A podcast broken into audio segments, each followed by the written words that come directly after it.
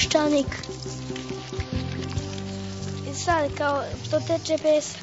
Klali smo se malo među sobom, časkali, prebirali po sećanju.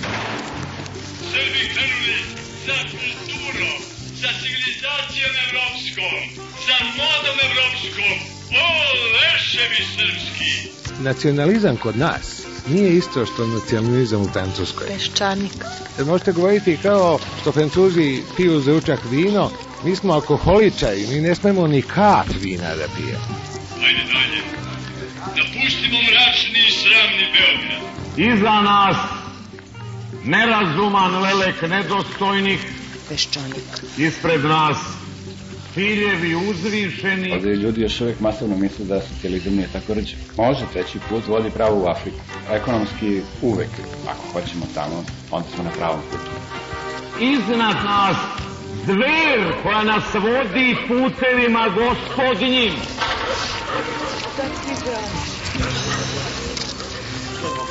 I da ne zatvorim oči, Peščanik. ja mogu da zamislim Srbiju kao najdinamičniju zemlju na Balkanu i jednu košnicu sa malo trutova i puno radilica.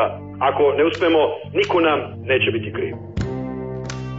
Dugo smo, dugo još putovali. Dakle, mi smo izgubili 5. oktobar, da tako kažem. Nepredviđen. Na televiziji vidim da se i rezultat drugog svjetskog rata promenio. Ugleda smo u bistroj vodi naša lica. Prema tome, ja očekujem da će Srbija krenuti u nešto novo tek kad pobedi Turke na Kosovo. Iznenada briznu smo u plaću. Peščanik.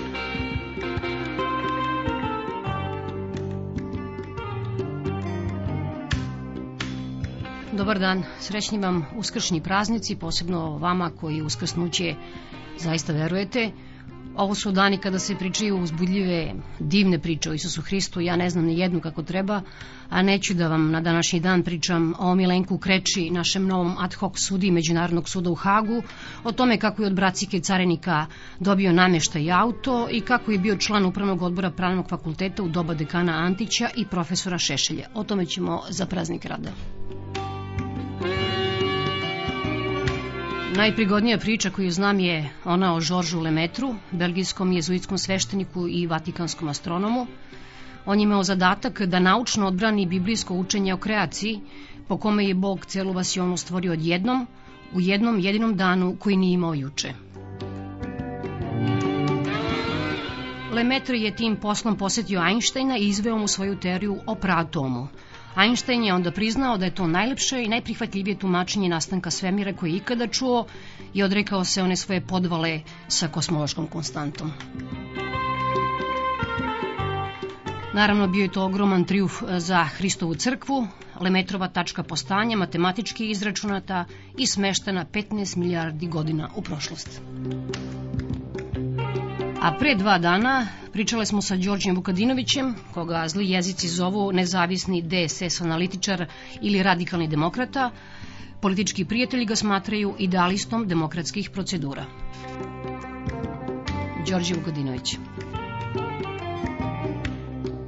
Ta jedna prirodna homogenizacija, solidarnost, to je nešto što ne dolazi u pitanje, pogotovo kad vidite onu spektakularnu sahranu, pa vidite onu tugu, onu, one dece ili one devojčice, pa to je prosto, svako će se prirodno solidarisati sa tim, sa porodicom, sa ličnošću pokojnika, a onda posledno i sa njegovim saradnicima i onima koji se zaklinju na vernost njegovom putu, ma šta taj put bio.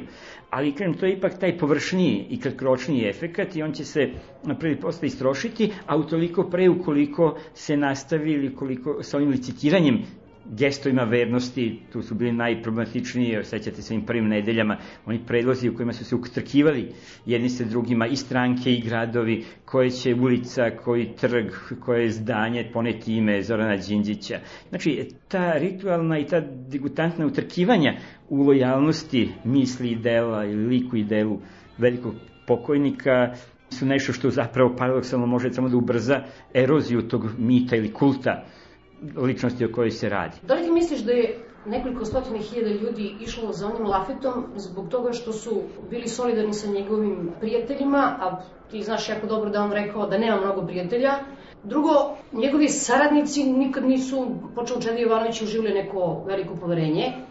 Porodica, u principu da, ali malo Jovanu ili njegovu suprugu nismo mnogo znali. Zašto ti misliš da su svi oni ljudi došli na sahranu Zorana Đinđića? Pa, rekao sam, postoji ta jedna spontana mobilizacija i taj efekat šoka usled tako neočekivanog i tragičnog čina.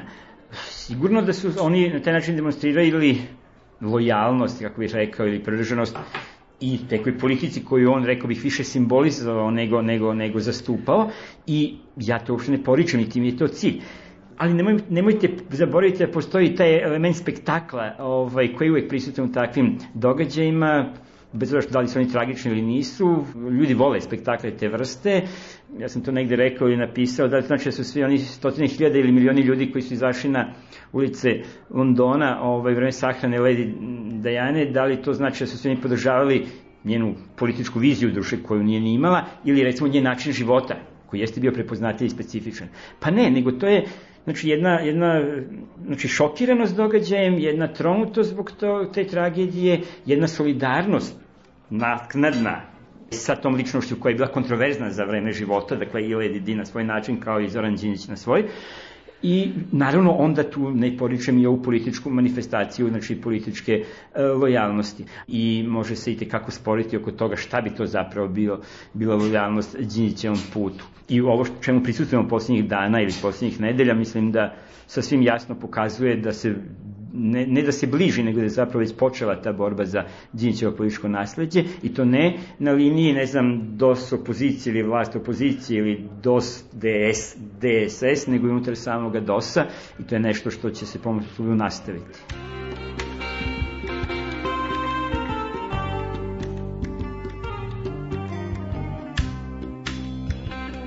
Slušalci Pešanika znaju da smo negde vodili razgovore unazad godinu dana, možda i više, Bio si jako kritičan prema politici koju je vodio Zoran Đinđić, upoređivao si njegove metode sa metodama Slobodana Miloševića i govorio da je to autoritarni režim, sve više autoritarni režim. Ako izuzmemo tu ljudsku komponentu smrt jednog čoveka i hrišćansku solidarnost, da li sa političke tačke gledišta mi nismo doživjeli veliku štetu, šta više možda i neku vrstu koristi? Da, prvo, uz ove ograde koje, koje si je rekla, dakle, te ljudsku ili kako hoćeš, hrišćansku dimenziju solidarnosti sa pokojnikom, ja nažalost nemam previše razloga da ne revidiram, nego prosto da promenim to mišljenje o toj politici. Šta više mogao bih da kažem da je to jedna tragična potvrda po nečega o čemu sam i govorio. Dakle, ja saista smatram da je ta, to nije popularno reći, ali da je ta politika imala dosta elemenata svakako samovolje i voluntarizma, a onda posredno i autoritarnosti koje obično prate samovolja i voluntarizam.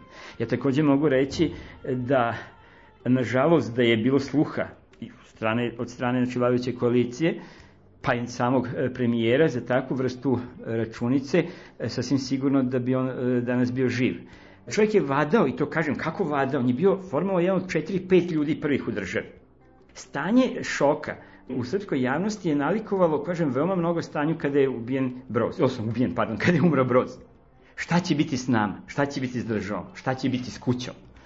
Bojim se da je to takođe vrlo dobra potvrda, naravno njegove sve prisutnosti, medijske, političke, pa i njegove harizme, ali bogami, i stepena koncentracije moći u njegovim rukama kamo sreće da je bilo sluha da se videlo da je ta vrsta vlasti, ta vrsta vođenja politike kako je pokojni premijer shvatao i upražnjavao opasna, riskantna. Svi smo to, pa nisam ja samo to govorio, mislim, i, i vi ste se slagali. Većina javnosti, čak i oni koji su podržavali njega, pogotovo podržavali ga u ovoj, rekao bih, preterano i besmisleno i obostrano kontraproduktivnoj polarizaciji sukobu sa, recimo, Koštunicom i DSS-om. Dakle, oni koji su držali stranu primjeru Đinjiću, svi su znali ili govorili u pola glasa, priznavali da tu ima mnogo onoga što se u navodnicima zivalo pragmatizam, a što bi bez navodnika de facto bilo zloupotrebe procedura, principa pravne države, demokratije i tako dalje.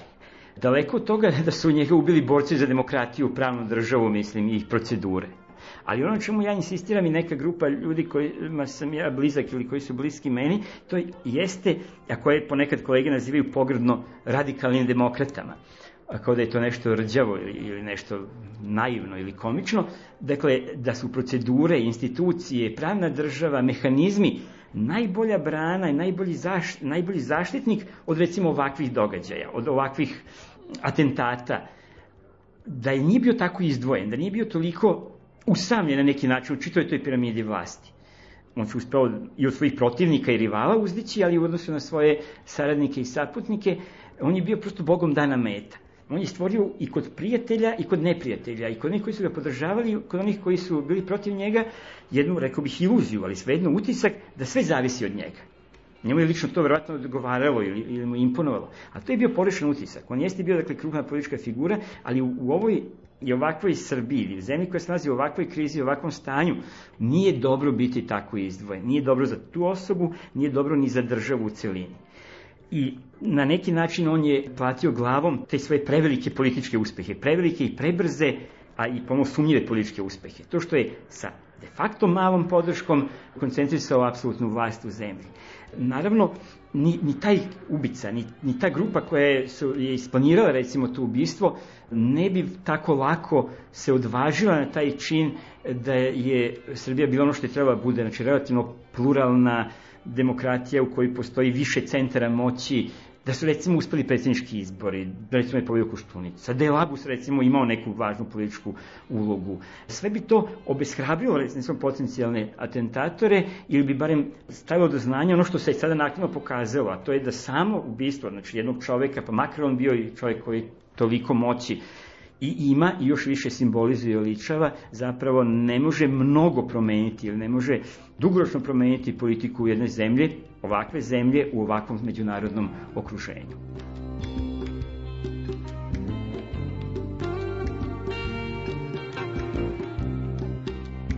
Mislim da je on platio, pored ostalog, preveliku cenu, neopravdano visoku cenu, te iluzije da se u ovakvoj Srbiji može vladati sam, predugo i previše je, možda iz najboljih namera, iz, naj, iz razloga probitačnosti, ne lične, nego i, nego i državne, ulazio u različite vrste dilova sa tim svetom i polusvetom koji mu je na kraju došao glave. Ta njegova spremnost da nađe prijatelje, kao što je govorio, i u raju i u paklu, nije mogla da prođe nekažnjeno.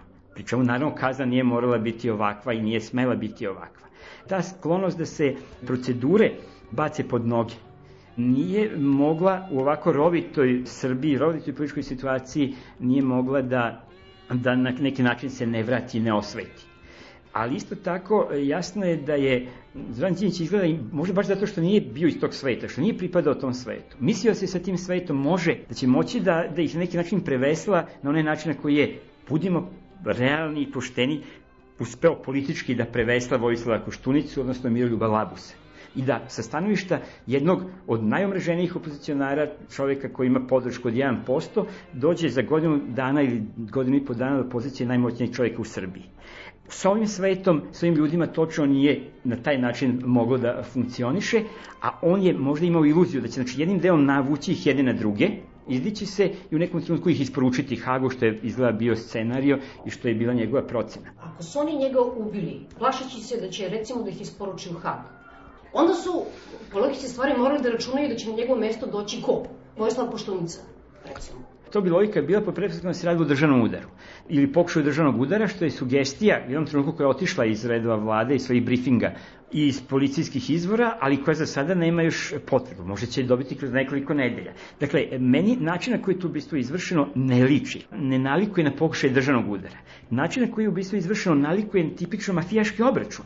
Ubistvo i mrak, ćutnja.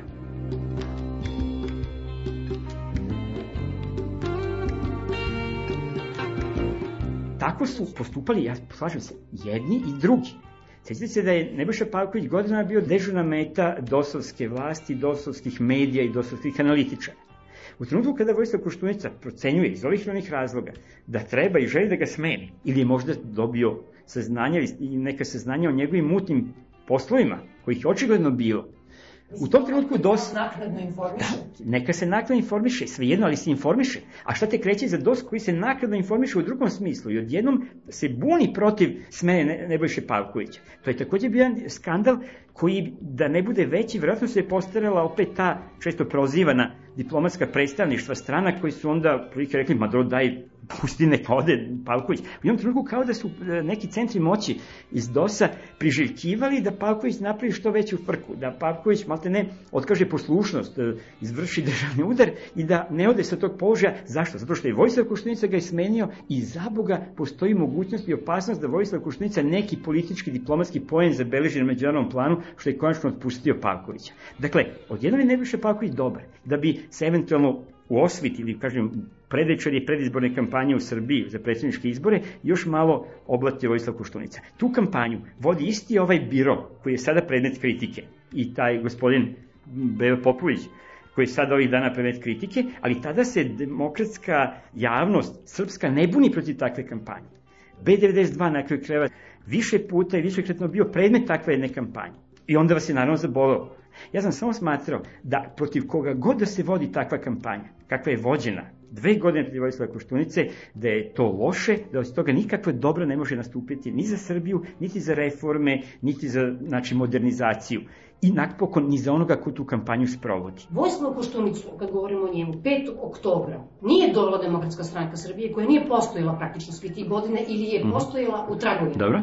Znači, njega je, između ostalog, dovela na vlast građani i mediji, između ostalih i B92, mi smo bili svi u kampanji za Vojislav Koštunicu. Mi smo 5. oktobra zajedno građani mogli da poginemo za njega, da ga unesemo u Skupštinu Jugoslavije. Pa. Zašto bi onda bukvalno preko sutra krenuli u kampanju protiv čoveka za koga smo bili spremni da poginemo, ne zbog njega lično, nego zbog te promene, to je pod jedno. Sledeće pitanje jeste, digle su se uh, biro za komunikacije, ne znam već ko, ne. kada je bio smenjen Pavković. Ali to nema istu težinu kao činjenica da je Koštunica držao dve godine Pavkovića na tom mestu kada je masa sveta govorila taj čovjek prosto mora da ode ti prosto preskačeš ne. tu stvar koja je jako bitna i kažeš, dobro, tri meseca je bio Rade Marković, ali to ima ogromnu težinu. Objasnio si nam koji je udeo Zorana Đinjića u sobstvenoj smrti, sa političke tačke gledišta. Da. Isto sa te tačke gledišta, koji je udeo Vojislava Koštunica u Đinjićevoj smrti? Ja bih mogao da pričam o tome koji je udeo Vojislava Koštunice u njegovoj sobstvenoj političkoj marginalizaciji trenutno. O tome možemo razgovarati. Znači, jedno vreme, do pred 12. mart, i to jedno duže vreme, Zoran Đinjić je ostao sam na političkoj sceni, bio je da. jako moćna figura u Srbiji. Moje pitanje glasi, dakle, zašto i kako se desilo da je Vojislav Koštunica od čoveka koji je bio popularniji onda od Miloševića u svoje vreme od 5. oktobra na ovamo, kako se desilo da to što je bilo na zemlji on nije pokupio i učinio između ostalog da Zoran Đinđić delimično sobstvenom zaslugom, dakle postane tako neprikosnovena figura. Razumeo sam i onda na taj način se može i odgovoriti na ovo pitanje koji je udeo Vojislava Koštunice u ovoj smrti Zorana Đinjića. Dakle, svakako ne onaj udeo koji se sugeriše pa boga mi i tvrdi u raznim saopštenjima raznih e, vladinih ili policijskih biroa. Jasno. Ali paradoksalno, najveći udeo ili najveća zasluga ili odgovornost Vojislava Koštunice u toj stvari, u tom tragičnom raspletu jeste to što se nije dovoljno i na vreme energično suprotstavio tim autoritetnim autoritarnim tendencijama ove grupe u DOS-u, znači oko Zorana Đinđića i njegovih najbližih saradnika. Kako bi ocenio pozitivan politički doprinos onoga što je sada već sasvim konačno i zaokruženo i zauvek završeno bio Zoran Đinđić ovdje? Probajte nešto na to fino pitanje, ja nemam e, završen i nemam tako spreman odgovor bez obzira što je on mrtav, konkretan sud i završni sud o njegovom političkom liku i njegovom doprinosu, koristi ili šteti ovaj, e, srpskoj e, politici ili politici u Srbiji još uvek ne može da bude dat. U velikoj meri od ponašanja njegovih naslednika zavisit će konačna ocena zapravo moja, ja bih rekao i objektivna, ali i moja subjektivna ocena o njegovom političkom delovanju bez obzira što je, kažem, njegov fizički život završen, politički život e, Zorana Đinjića u ovom trenutku njegova politička misija nije okončena. I samo što sada se nalazi u rukama delom njegovih sledbenika, a delom njegovih protivnika. Od ponašanja jednih i drugih zavisit će konačna ocena i konačni sud o njegovom političkom liku.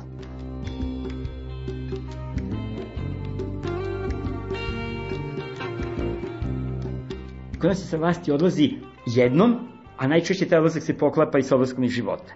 Kod nas nema navike nema svesti o tome da se vlast može gubiti i dobijati. Vojislav Koštunica je učinio makar jednu dobru stvar, za, naglašavam, makar jednu dobru stvar za demokratiju u Srbiji, on je pokazao se sa vlasti može otići mirno.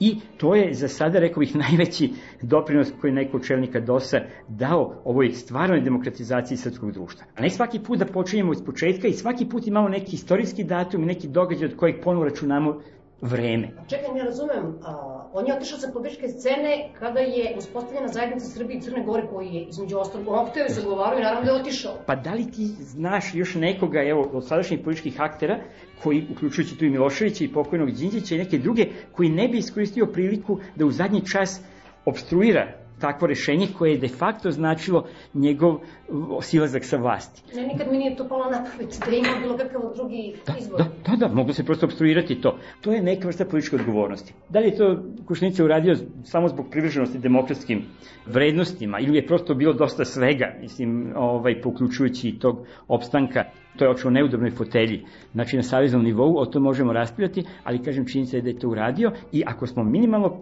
pravedni, onda to moramo priznati i poštovati, kao što moramo priznati tu energiju i taj entuzijazam i taj elan koji je, znači, pokojni premijer, znači, imao i širio svuda oko sebe. Nijedno i drugo ne mora nužno i samo po sebi da bude vrednost, ali bi trebalo da radimo i da, da stvorimo odnose i političku situaciju u zemlji u kojoj će i jedno i drugo biti vrednost i ne samo vrednost, nego normalna stvar. Dakle, da se politički akteri maksimalno trude i ulažu, znači sve svoje snage u realizaciju nekih ciljeva političkih, kao i to da maksimalno poštuju pravila igre i procedure, čak i onda kada im ne odgovaraju. A mislim da smo i od jednog i drugog dosta daleko.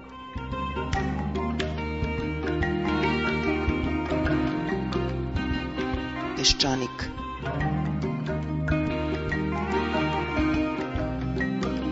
Teofil Pančić, Nedeljnik vreme. Ako policija ubrzo ne dokaže kako građanin Jovanović, gospodin Zveki, laže sve u 16, govoreći o svom besprekornom građanskom poštenju, bit će to ozbiljno iskušenje za jedno uvreženo poimanje pojmova i vrednosti u društvu. Da je u Đinđića naime pucao onaj iz Šilerove zvani Šipter, ili gospodin Budala, sve bi nekako bilo u redu, jedan bi sistem vrednosti ostao neokrenjen. Ipak ništa od toga. Takvi likovi nigde i nikada ne ubijaju predsednike vlada. Organizovani kriminal, makoliko moralno nakazan, racionalna je delatnost, krajnje nesklona ozbiljnom i konsekventnom nihilizmu, kakav izbija iz, recimo, Srebrenice ili iz Zvekijevog snajperističkog čina. Ako sledimo isključivo trag novca, o Srebrenici, kao i o koje čemu drugome, nećemo saznati baš ništa upotrebljivo. Zvekijeva biografija je virus u sistemu. Tom Zveki, ukoliko je poznato, još nisu pronašli ni vilu sa bazenom, ni miliona u kešu, ni kilograme belog, baš ništa, čak ni neku cecinu ili Lukasovu kasetu. I upravo je u tome kvaka. Samo je neki takav idealista, zabrinut što za naciju, što za svoje veteransko dupe, mogao da smogne kuraži, drskosti, uverenosti, ludila da puca u Đinđića te kada se zlo izdigne iz mulja prizemnog materijalnog interesa, zašto je patriotizam upravo idealni katalizator, ono zlo može postati dovoljno hrabro za uistinu radikalni čin. A u tom činu nužno ima i nečeg suicidalnog, kao u njujorškom 11. septembru. Jer u samoj substanci militantnog patriotizma ono nešto što ga tera sa onu stranu konvencionalno shvaćenog dobra i zla. Nacija, to pagansko božanstvo, traži od tebe žrtvu. Ona ti je dodelila misiju – ili da daš svoj život ili da žrtvuješ tuđi. I to je dakle Zvekijeva doktrina, ona koja mu pomaže da se ne kaje, da u sebi i dalje vidi čoveka. Zvekijeva doktrina samo je dosledno otolotvorenje godinama sve prisutnog velikog narativa o patriotama i izdajnicima. Izveki je dakle, makoliko to užasno, morbidno, cinično i strašno zvučalo, samo dao svoj krunski doprinos jednom polemosu. To je njegov krvavi ritualni prilog, epilog jednoj velikoj diskusiji. Posle ovoga bi trebalo da ostane jedino ćutanje, ali pošto je tišina neizdrživa, svi govore u glas. I u toj se kakofoniji jedino jasno razabiru protestni falseti onih kojima je zvezdan zveki Zmija Jovanović, mimo svoje volje i namere, zauvek oduzeo pravo na nedužnost upotrebe omiljenih pojmova. Sa njegovog stanovišta ima u svemu tome neke vapijuće nepravde. Ubistvo koje je počinio simbolički je vrhunac i kraj ere dozvoljenog ubijanja monstruozni omaž jednom svetu vrednosti koji je na svoj način delio upravo sa onima koji sada okreću glavu od njega, praveći se da ga ne poznaju, praveći se da nemaju pojma o čemu on govori kada govori o patriotizmu, jer oni tobože, govoreći o toj reči, govore o nečemu drugome.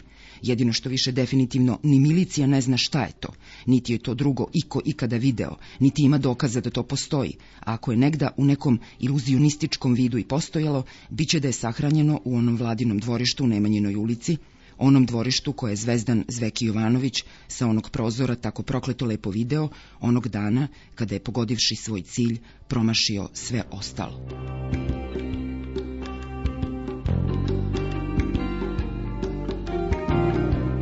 Govori novinar i pisac Velimir Ćurgus Kazimir. Ja mislim da je došlo do određenog raskola a to je između naših privatnih života i privatnih osjećanja i privatnih razgovora, od prevoza, taksija, kafane, čuješ da ljudi masovno podržavaju vanredno stanje, prosto ide kao neki light motiv, što se mene tiče, ovo može da traje večno, ja se ne osjećam ugrožen. Moram da priznam da sam ja u tome takođe učestvovao, kao privatna ličnost, naravno osjećajući sve vreme tu vrstu raskola između onoga što je privatno i onog što je javno, jer na javnoj sceni vrlo brzo su se, ajde da kažem, posle jedno 15 dana posle uvoženja vanrednog stanja e, javili glasovi vrlo kritički, znači ljudi koji pripadaju opozicionim ili takozvanim opozicijalnim strankama, pre svega DSS, radikali i socijalisti su veoma snažno to kritikovali, jedan deo medija je tome posvećivao određenu pažnju, pa me i to malo nerviralo.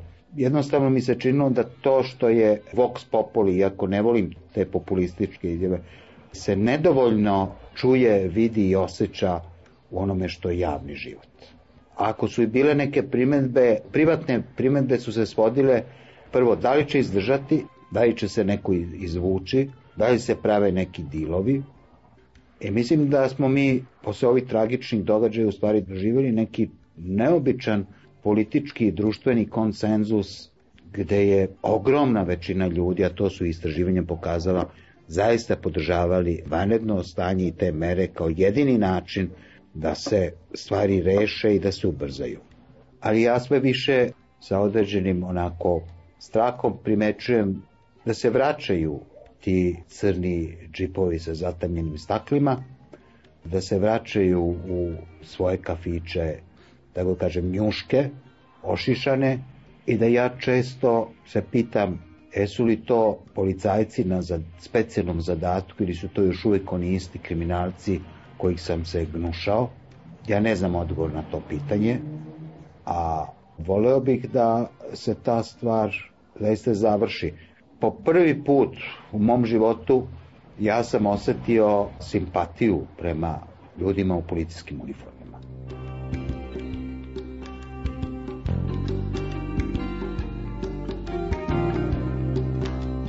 Sama ta činjenica da je ubijen govori o tome da je postojala očigledno neka namera, ne mogu to da primim kao akt lične osvete.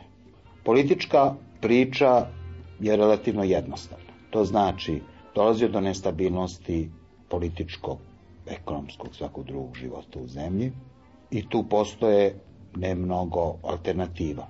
Jedno je proglasiti vanredno stanje i, a da kažem, okupiti ceo aparat, sve službe da se krenu racati. Druga alternativa je, što je odmah izlicitirano, bilo je pravljenje koncentracijone vlade.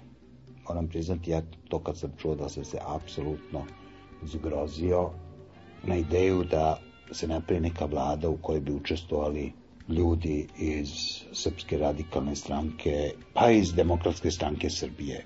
Znači, neki stranaka koji su u prethodne dve, a neki u prethodnih 7, 8, 10 godina radile sve protiv onoga što je radio Zoran Đinđić i što smo mi želi da uradimo 5. oktobra rušeći režim Slobodana Miloševića. To mi se činilo da je onako dosta monstruozno kao ideja. Treće je bilo da se stvori jedno potpuna anarhija, potpuno nesnalaženje, jedan interregnum gde bi se moglo napraviti ko zna šta. Izabran je najbolji put. Danas kad se to završilo, ja sam ponovo pun prilično velikih sumnji koliko će se iz straha, koliko će ta koalicija takva kako je da se očuva Ono što me dodatno brine to je, da kažem, nesnalaženje pojedinih članova vlade u tim mirnodopskim uslovima. I mi smo suočeni sa nekoliko afere ili aferica, počevši od tragičnog događaja sa gaženjem ove devojke Katarine usred Beograda, što je onako strašna stvar. Drugo je taj napad Bebe Popovića na Gordanu Sušu, koji je opet izazvao lančanu reakciju i mnogih drugih medija koji pamte gospodina Popovića po stvarima koje nisu baš za pamćenje. Bilo bi racionalno očekivati da vlada donosi racionalne odluke i da se lišava svakoga onoga koje je štetan za rad i uticaj te vlade.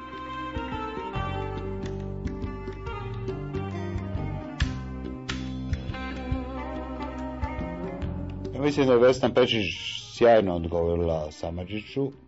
Mislim, to nije ništa neobično da se intelektualci i naučnici opredeljuju i to je sasvim normalno, ali ta vrsta opredeljivanja koje se neprekidno negira da nije politički obojena, nego je ono objektivno naučno, jeste obična podvala. Ali ljudi imaju pravo da se služe i podvalama i ja u tome ništa ne vidim nikakav problem, ali je vrlo zanimljivo da je cela ta grupa Slobodana Samarđića, Koštovinić i tako dalje, grupa in, institutskih intelektualaca, koji su godinama i u Titovo vreme radili u institutima i bili zaštićeni. Oni su zaista bili zaštićeni. Bili su zaštićeni socijalno, ekonomsko, statusno, kako god hoćete. Oni su živjeli lagodno u vreme Miloševića. Šta da se, mislim, lažemo, živjeli su lagodno, Koštunica i DSS nikada nisu rizikovali da budu tučeni na ulici, pozivali su narod da ne bude tučen, da sedi kod kuće, da razglaba i da čeka da padne s neba mana i da dođe do promena. I oni nastavljaju to. I oni nastavljaju u trenutku kad se desilo to tako ubistvo, koje je očigledno ipak deo jedne organizacije i svega ostalog. Oni se nisu distancirali do dana današnjeg od svojih mnogih izjava kojih ja imam oko legiji leginog pisma. Oni su isticali legino pismo da je to u stvari glas naroda, da je to patriotski čin. Oni su ga podržavali na sav glas. Ja ne vidim nigde da su se jednom rečju setili toga i rekli pogrešili smo. Imali smo pogrešne informacije i tako dalje. To legijno pismo trebalo bi sad ponovo da se vratimo i da vidimo koje su poruke i kakav je odnos bio i Slobodana Samaržića i svih ostalih prema nastupu legije. Čoveka koji se bori za ponos i dostojanstvo svog naroda, za razliku od izdejica kao što su Đinđić i ostali. Da li se njihov odnos i stav promenio? Ja ne vidim da se promenio, ni posle ovoga. Na kraju krajeva, prva Koštunicina izjava, koja bi trebala da bude, ako ništa drugo, ljudska, da ima samo tu dimenziju i nikakvu drugu političku, bila je krajnje politikanska, jer je otprilike rekao da je Đinđić žrtva zbog toga što je pravio razlike između dobrog i lošeg kriminala. Čekajte u trenutku kad čujete da je poginuo neko, ako ništa drugo, s kojim ste u nekom poznanstvu bili duže od 20 godina, mislim, na šta liči ta reakcija? Ja, ja imam već potpuno ljudsku reakciju gađenja na način na koji su glavni ljudi iz DSS-a primili i propratili smrt Zorana Đinđića. I to više nema nikakve veze sa mojim političkim stavom, nisam član nijedne stranke, niti imam nameru da budem, a mi potpuno iz ljudskih razloga taj odnos mi se gadi.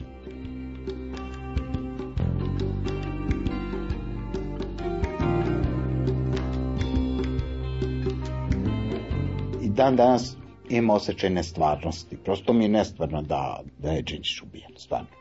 Ne zato što sam bio neki fan, poznavao sam ga iz nekih drugih vremena, mnogo pre nego što se politički angažovao i tako dalje. I to mi je užasno sve nestvarno deluje. I ceo ona, ona sahrana i, i ljudi koji su izašli onako, osjetio sam užasno ganuće. I taj neki osjećaj da je taj narod mnogo bolji. Mnogo bolji. Nego što kritičari s leva i s desna iznutra i s polja mogu sebi da priznaju. Pitanje je samo da ćemo imati energije da izdržimo, da sebe ne napustimo. Bez obzira kakva razočarenja bila. Jer mene DSS i ljudi poput Samarića ne razočaravaju više, to potpuno očekujem. Više me razočaravaju ljudi koji su deo struktura ove vlasti, jer njihova neodgovornost je mnogo teža i mnogo mi je bolnije. Jedno ono saopštenje recimo gde je Tijanić grupa koja se osnovala da vređa i laže o Đinđiću. Već sama ta reč, grupa koja vređa nekoga, uopšte ne, ne ulazim u to da li je to tačno ili netačno, već sama formulacija mi deluje neprijatno, neodgovorno. Ne usitnjavajte to. Nemojte u krajcerice da pravite nešto što je samo po sebe veliko, što je samo po sebi tragično. Sad ćemo tu praviti da li se neko sastajao u nekoj kuhinji, u nekoj kafani i rekao, e, ajde da pišemo tekstove protiv Đinića. Pa, dogovarali se, dogovarali se, šta me briga, ako je to objavljeno, pa to stoji tu. I to ne može da izgori, to može, ne može da nestane. A to da li se ko dogovarao i kako, to me apsolutno ne zanima. To je to jeftinoća ta. Ajde sad da poentiramo na ne znam čem.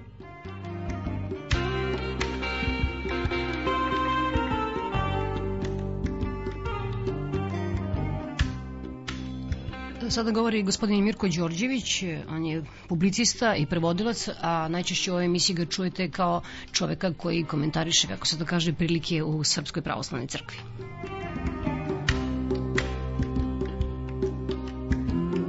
Ovoga puta uskršnja poslanica se razlikuje od nekih ranijih, kraća, i jedino što pada u oči, što smeta, što je među arhijerejima koji su pisali i Pahom Vranjski, koji ne bi trebalo time da iritira javno sve dok se oba postupka ne okončaju. Što se tiče osnovnih tonova u poslanici, oni su ovoga puta namerno intonirani na ovom principu nade. Da ljudi i kad počine zločin, to je centralno mesto ovogodišnje poslanici, mogu od svog zločina da se trgnu i da se pokajanjem vraćaju na neki put. Ovaj slučaj sa Pahomijom, ovo je posebna priča, znate, ali crkva se zbunila pred tim slučajem. Bukvalno se zbunila. Nema hrabrosti da progovori. Povukla je nekoliko vrlo neveštih poteza. Prvo je bilo odbranaški jedan stav. Drugi je korak bio nešto hrabri i bolji, pa Homije, barem tako je rečeno, povučen iz eparhija, na njegovo mesto imenovan je administrator, koji treba da ispita celu stvar i ako se nađe dovoljno razloga, celu stvar uputi duhovnom sudu. To se nije dogodilo, niti administrator podnao bilo kakav izveštaj. Sam Pahomije goni dvojicu sveštenika i jednu monahinju sudski, goni zato što nisu hteli da ćute. Oni se ponašaju kao da se prvi put tako nešto događa, odnosno ponašaju se kao da toga ranije nije bilo. Niti je prvi put, niti prvi put se ovako ne snalazimo, ali je prvi put da se to događa na jednom ovakvom nivou po učenju crkve, gde je episkop tu i crkva, episkop ili vladiha je naslednik apostola. On hirotonijom postaje naslednik apostola, on mora biti u svakom pogledu čist i savršen. E, duhovni će sud, crkva, morati da vodi računa o činjenicama koje pred sudom na građansko-pravnom području budu dokazane. Moraće, jer ovde se radi, znate, o drastično teškoj optužbi. Bude li se dokazalo nasilje nad decom, teže optužbe nema i za crkvu, jer dovoljno vam je poznato da vam svih 20 i koliko mestara navodi iz evanđelja da Isus decu uzima kao paradigmu. Ako neko povredi jednog od ovih malih, sve je ubio, mene je ubio. Ako se dakle tako nešto dokaže, onda nakon toga sledi njegovo odlučenje od vršenja javnih crkvenih poslova i jedna vrsta skidanja hirotonije, vladičanskog posvećenja, ali, to hrišćani kažu, dužni smo da nosimo svoj krst.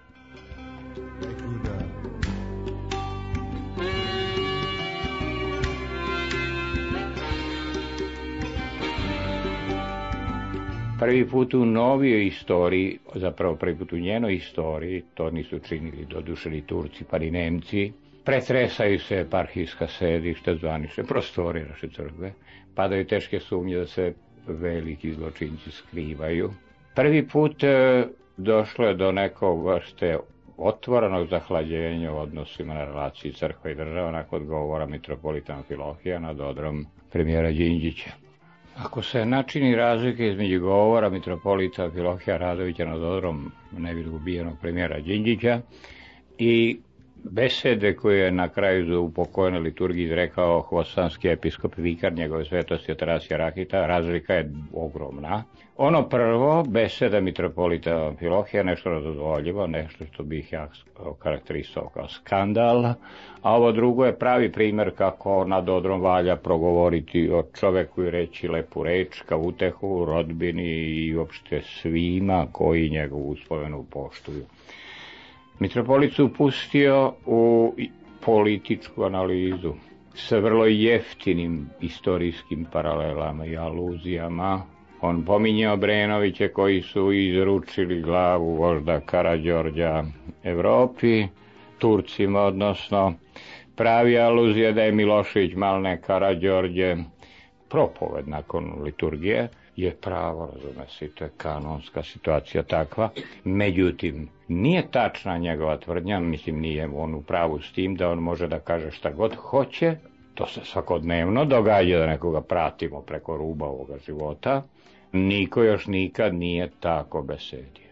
Upuštati se u neuku, ja se ne bojim reći, to je evidentno i nepismenu političku raspravu, traktat nad odrom čoveka koji je nevin stradao, To je u najmanju ruku neukusno. Ne samo što je patrijarh prisustuo i kako se to kaže predvodio liturgiju, nego je do jedan i nešto toga dana najavljivan preko sredstava informisanja kao čovjek koji će obaviti čin za upokojenu liturgiju. Dogodila se ta zamena i patrijar se na neki način povukao što ga nimalo nepravda, ali ja sam praveći portret naše patrijarha isticao da on pored vrlina ličnih ima i velikih slabosti. Jedna mu je u tome što ne koristi ni onaj deo vlasti i autoriteta koji ima, kako bi umolio arhijereje da se klone politike na mestima gde politici nije mesto. Osim toga, tek nakon nekoliko dana zapazili su drugi da je činu za upokojene liturgije prisustuo i vladika Vranjski Pahomije a koliko vidim jučer objavljena uskršnja poslanica i poslanice pored ostalih arhijereja potpisuju Pahomije, što nije u redu jer se protiv njega trenutno vode dva postupka paralelno. Jedno je crkveno-kanonski postupak koji je barem najavljen i otvoren, a drugo je pred građansko-pravnim sudom. Do okončanja postupka on ne bi trebalo da, blago rečeno, da iritira javnost.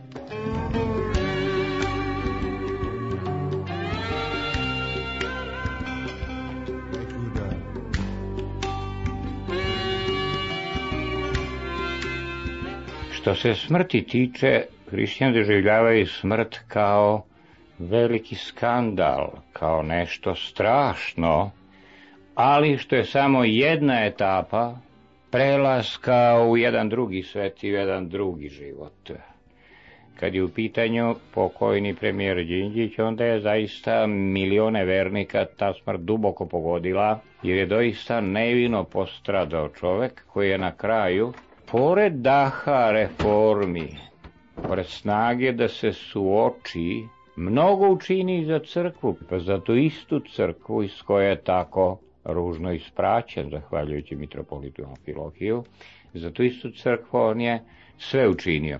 Stoga, dakle, ne treba u smrti videti nešto što je apsolutno ništa. To je sve što čovjek može reći ako uskrs nekog smisla ima, on ga ima samo što ima tu dimenziju nade. U ostalom, vera se objašnjava jednim urođenim instinktom u čoveku koji ga ima, koji se u stvari svodi na ljudsku nadu, to je ono što i laici zovu princip nada, bez koje čovjek ne bi nikako opstao i pre smrti.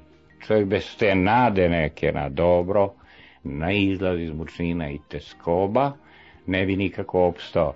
Stoga izgleda tačno i to da je čitava Srbija sa onakvim kasnije ispraćajem na ulicama, doživjela jednu vrstu katarza, ako hoćete, i pokajanja u širim razmerama, i ja mislim da se tu zaista pokazalo da su Beograđani prekoračili preko praga te nade i da su ušli u sferu, kad, bez obzira na tragične rasplete i zaplete, neke nade ima da će stvari krenuti na bolje. Tu je smisao uskrsa. Često se kaže, pa ima li ikakvih empirijskih stvari i dokaza o vaskrsenju? Da je stvarno čovek nakon tri dana u grobu vaskrsao? Sigurno da nema. I u evanđeljima, ako se sećate svih mesta, to je vrlo jasno ispričano da nije reč uopšte o empirijskim dokazima, nego je reč o ljudima koji veruju da nešto tako uzvišeno i pravedno proći neće, postradati ne može. Isus se tako i javlja ljudima trećeg dana. Svi su posumnjali. Svi. Niko više nije verovao. Apostoli su posumnjali. Neko ih je u sumrak su stigao i šta im je rekao? Ne bojte se. Ne bojte se. Mrak pada.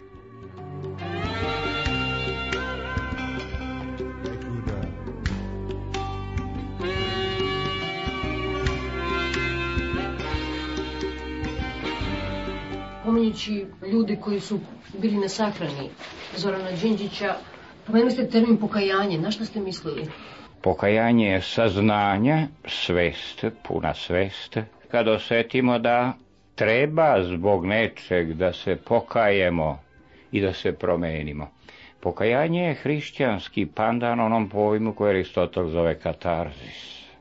Gledaoci u amfiteatru koji posmatraju sudbinu Antigoninu, u jednom momentu osjećaju užas i u fizičkom smislu dah im zastaje, mi to kažemo, i u tom trenutku užas ono jednu vrstu pročišćenja, poistovećujući se s tragedijom, koja je posle jednom momentu njihova.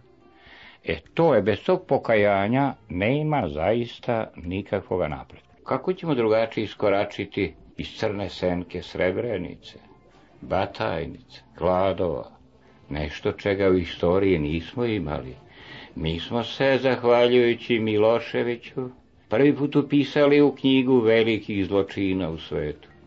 Bez suočenja sa tim zločinima, bez pokajanja, nema nikakvog napretka. I uskrs je prilika za pokajanje, nakon kojeg počinje novi život. Novi život znači nova nada.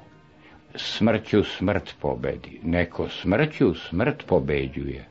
Kad ste čuli vest da je Đinjić ubijen, šta ste vi prvo pomislili ili osetili? Ja sam ga video na dva metara od sebe, ravno 27 minuta pre pogibi. Pa ja sam po prirodi stvari, to izgleda, može nekom izgledati smešno, uvek na takvu vest čovek se moli. A druga reakcija je osjećanje mučnine, da se ovde velike nade i vesnici velikih nada tako nagrađuju, da se ovde svako dobro tako skupo plaća. I još jedan utisak me pratio čitavog dana i narednih dana, da ćemo mi još poduže vremena tražiti, tražiti ono, ono svetlo koje su ukazale onim putnicima u Emaus, mrak je već padao, sećate li se? Ne bojte se, ne bojte se. Kad se dete užasne u mraku i kad mu se samo prvi put kaže ja sam tu, ne boj se, dete živi novo stanje. To je činjete, u novom smo stanju, u momentu užasa. Nije vera neko svojstvo koje drugi nemaju, pa oni koji veruju i kažu da veruju imaju ga, međutim imaju ga i drugi. Pogledajte ljude koje nikad niste vidjeli u crkvi kako su Đinđićevu smrt doživali zaista kao lični gubitak.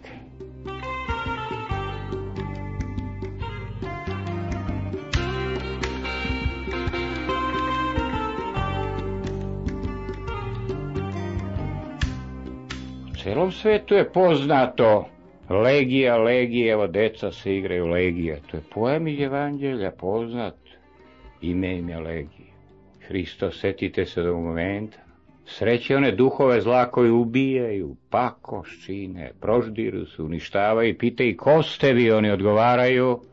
Mi smo sile zla, ime nam je legija. Priča se završava tako što ih on kažnjava da se sami od sebe raspadnu u zlu jer ne vide nigde do oblavu. Vi znate, u narodu se kaže mrtvi živima oči otvaraju. Da nema toga, možda se stotine hiljada Beograđana dugo ne bi duhovno probudile. Na kraju krajeva, znate, ako hoćemo, ne možemo ne biti patetični.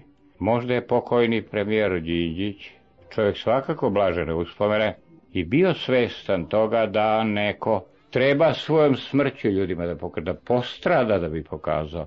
Isus je znao, on svesno ide na to pogubljenje Isus. On ima šanse ako hoćete da se pred istragom još vadi, spasava, da stupi u nagodbe sa sadukejima, farisejima, on svesno ide, treba neko pravednik da postrada. Na kraju i to stradanje, vidite, ima neki dublji smisao i spada u sferu dublje tajne. Gde je on sada? Nakon 40. dana kad prođu mitarstva kao i svaki čovek, njegova duša koja je besmrtna obitava među dušama koje su nakon 40. dana sagledala istinu. To se simbolično kaže pred licem su Božjim. Hrišćani uče da ljudski život ima nekog smisla, da mi ljudi ipak nismo kišne gliste. Evo vidite, svi se pitaju zašto Isus svesno prihvata krst. On krst svoj nosi na Golgoti kad izrečena presuda, ne sam ponao svoj krst. On posrće pod njim, ali svestan je on još uvijek mogao da se obrati sa molbom i rimskim vlastima. Na kraju kraja on je mogao pobeći. Dovoljno je već imao sledbenika, jer govori se masa sveta i djaše za njim.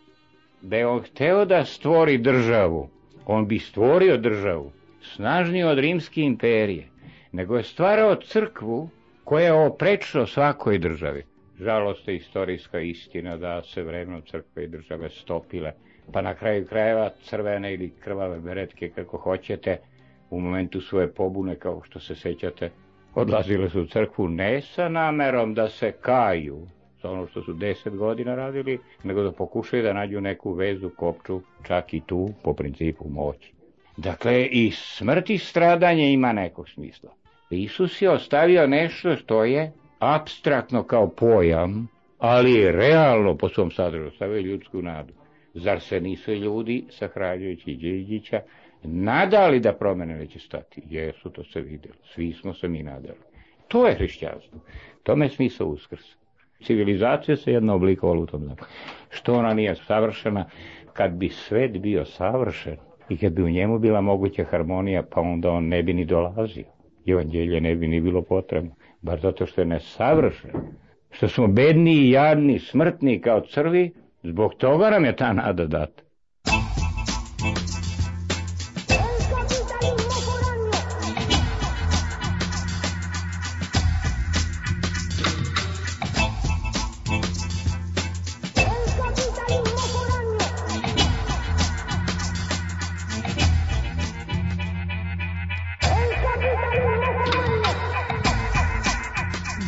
Peščanik, govorili su Đorđe Vukadinović, Velimir Ćurguz Kazimir i Mirko Đorđević, montaža Ratko Ristić i realizacija Marko Perunović. Na pažnju se zahvaljuje Svetlana Vuković i Svetlana Vukić. Prijetno.